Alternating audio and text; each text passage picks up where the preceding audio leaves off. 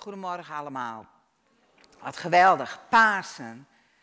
We mogen vieren dat Jezus leeft. We mogen vieren dat uh, Hij onze God is, de overwinnaar over de dood. Dat Hij leeft. En dat gaan we vanmorgen ook, uh, we gaan straks nog veel meer zingen om God te aanbidden en Hem te eren. Maar we willen ook kijken wat de Bijbel zegt over die uh, geweldige gebeurtenis. En ik heb inderdaad als thema genomen dat God de God is die ziet. Dat zien we door de hele Bijbel heen. Dat God de God is die ziet. Hij, hij kent zijn volk. Hij roept uh, Israël tot, tot, ja, eigenlijk in het bestaan. En hij gaat met zijn volk op weg. En hij ziet ook het volk in alles wat ze doen. En als ze uitroepen naar hem, dan komt God daar met kracht. Ik vind zelf de tekst heel mooi die in Kronieken staat. Want de Heeren ogen gaan over de ganse aarde om krachtig bij te staan. Hen wier hart volkomen naar hem uitgaat. Die tekst die heb ik zo vaak uh, ook uh, ja, als het ware uitgeroepen naar God. Kom Heer, u kijkt over de aarde. U ziet ook mij en, en u wilt komen met uw kracht. U wilt komen met ja, wat ik nodig heb. Dat is onze God. De God die ons ziet. Maar God ziet ook dat wij verkeerde keuzes maken. Dat wij de weg gaan die goed is in onze eigen ogen. En God weet dat een verlosser nodig is. En hij stuurt zijn zoon, de Heer Jezus. Geboren uit de lijn van David komt Jezus op de aarde. Hij is Immanuel, God met ons. God laat zien wie hij is op een hele bijzondere manier. Jezus is de gezalfde, de Christus. En Jezus komt om te helen en om te genezen en om hoop te brengen. Hij vertelt over de Vader. En dan ontmoet Jezus ook Maria van Magdalena. En Maria van Magdalena is gekweld.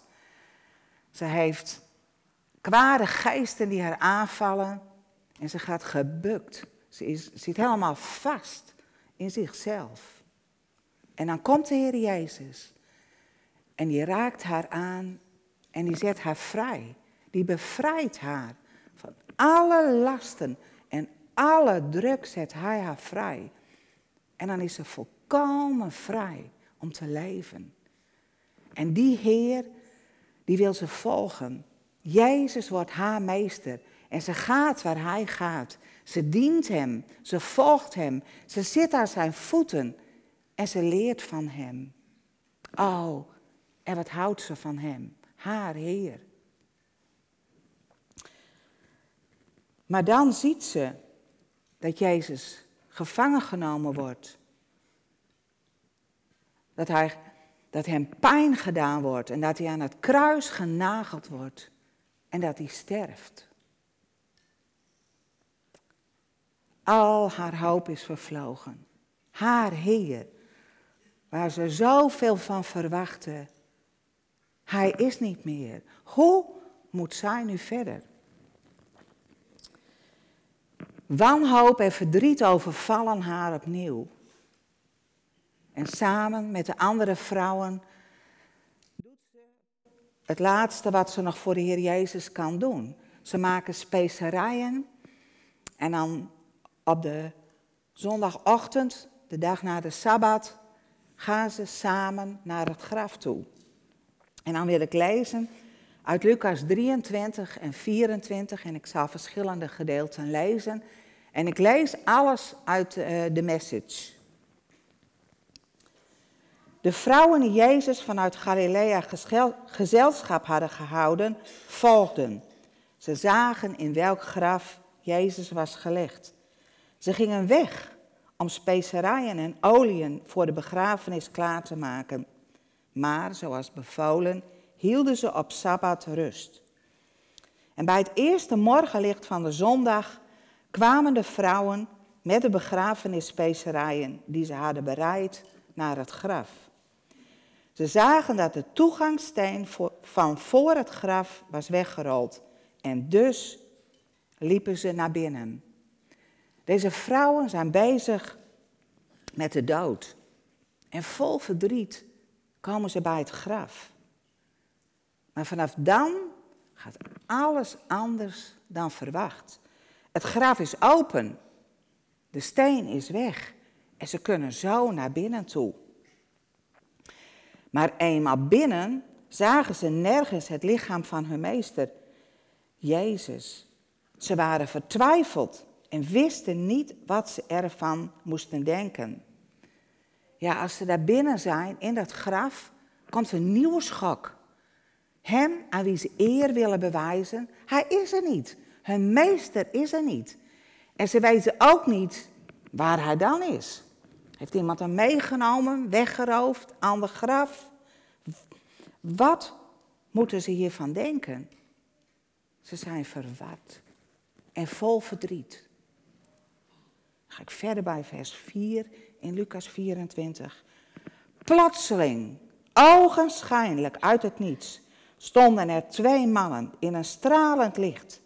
De vrouwen waren vol ontzag en bogen in aanbidding.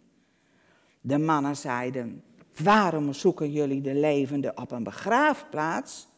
Hij is niet hier, hij is opgewekt. Jullie weten toch hoe hij jullie in Galilea voorhield dat hij moest worden overgeleverd in de handen van de zondaren, gedood zou worden aan het kruis en na drie dagen zou opstaan? Toen herinnerden zij zich Jezus' woorden. Wat een gebeurtenis moet dat geweest zijn. Plotseling, als uit het niets, stonden daar opeens twee mannen. En het moet een krachtige tegenwoordigheid van God geweest zijn. Want die vrouwen vallen neer in aanbidding. Ze weten niet wat er gebeurt. Maar ze weten dit is iets bovennatuurlijks. En dan beginnen de engelen te spreken. En ze zeggen, waarom zoeken jullie de levende op een begraafplaats? In andere vertalingen staat, waarom zoeken jullie de levenden bij de doden? De vrouwen snappen er nog niets van. Maar de engelen gaan door. Jezus is niet hier. Hij is opgewekt. Hij leeft. Herinneren jullie je niet dat hij verteld heeft hoe hij moest lijden en hoe hij zou opstaan? En dan herinneren de vrouwen wat Jezus gezegd heeft. En ze begrijpen het. Ze snappen het. En we, in, verderop in het hoofdstuk staat ook dat zij naar de discipelen gaan. En dat ze het vertellen. Nou, die discipelen die geloven er niks van. Die zeggen ah, kletspraat van die vrouwen. Maar die vrouwen hebben het gesnapt. Die hebben begrepen wat Jezus gezegd heeft. En ik wil ook even kijken naar het evangelie van Johannes, Johannes 20 vanaf vers 11. Want Johannes geeft een inkijkje in wat er met Maria van Magdalena gebeurde daar in die tuin. Het is wel mooi dat elke evangelieschrijver het leven van de Heer Jezus, maar ook de, het lijden en de opstanding van een andere kant belicht. Daardoor krijgen wij een breder beeld van wat er daar gebeurd is. Nou, in Johannes 20 staat het volgende. Maar Maria stond bij het graf te huilen. En terwijl ze huilde, knielde ze neer om in het graf te kunnen kijken. Ze zag twee engelen zitten, die witte kleren droegen. De een zat aan het voeteneinde van waar Jezus lichaam was gelegd. De ander aan het hoofdeinde. En ze zeiden tegen haar: Vrouw, waarom huilt u? Ze hebben mijn meester meegenomen, zei ze, en ik weet niet waar ze hem hebben gelaten. En nadat ze dit gezegd had, draaide ze zich om. En ze zag Jezus staan, maar ze herkende hem niet. En Jezus sprak haar aan: Vrouw, waarom huilt u? Wie zoekt u? Denkend dat hij de tuinman was, zei ze: Meneer, als u hem hebt weggenomen, Zegt u mij dan waar u hem hebt gelaten, zodat ik hem kan verzorgen. En Jezus zei, Maria. Ze draaide haar hoofd zodat ze hem kon aankijken en zei in het Hebreeuws Rabboni. En dat betekent leraar. Wat een ontmoeting moet dat geweest zijn. Maria vol verdriet en wanhopig, bezig met de dood, huilend en niet op zoek naar de levende. En dan hoort ze de stem van de Heer Jezus. En hij zegt één woord. Maria. En opeens dringt het tot haar door. Dat is mijn Heer. Dat is mijn Meester. Dat is de Heer Jezus. Hij is niet dood. Hij leeft. Vol verwondering, zegt ze. Meester. Het licht breekt door. Glorie, halleluja. Jezus is daar. Hij ziet haar staan. En haar hoop komt terug. God is er met zijn aanwezigheid. De dood is overwonnen. Jezus leeft. Jezus leeft ook voor ons. En God spreekt ook jouw naam. Heel persoonlijk. En God ziet ook jou staan. En waar zoek jij om antwoorden in je leven, om invulling? Zoek je het bij de doden, op plekken waar het niets gaat brengen?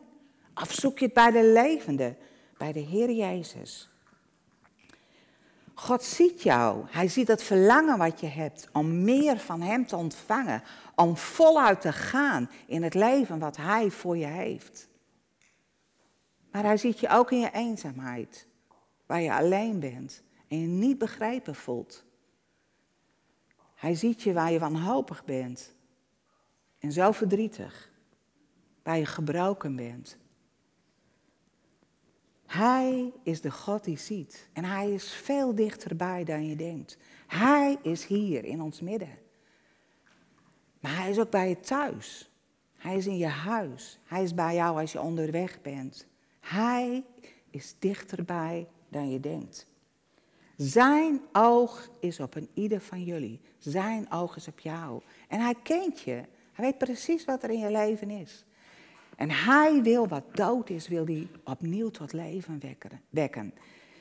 Wat, wat, ja, wat in slaap gevallen is misschien, of een, een smeulend vuurtje is. De Heer Jezus wil komen met kracht en met leven. En God wil je hoop geven. Een intense vreugde en een hele diepe vrede. Jezus is opgestaan. Hij leeft. De dood is overwonnen. Jezus leeft in eeuwigheid en niets kan hem meer tegenhouden. En niets hoeft ook jou meer tegen te houden. In Jezus is opstandingskracht. Een ongeëvenaarde kracht. En die kracht wil God ook in jou leggen. Jij mag delen in het leven met Hem. Geen berg is te hoog en geen dal is te diep. Hij maakt alles nieuw. God is de God die ziet. En we gaan kijken naar een uh, film die in woorden een lied uh, die, die dit ook weergeeft, wat ik net gedeeld heb. The God who sees.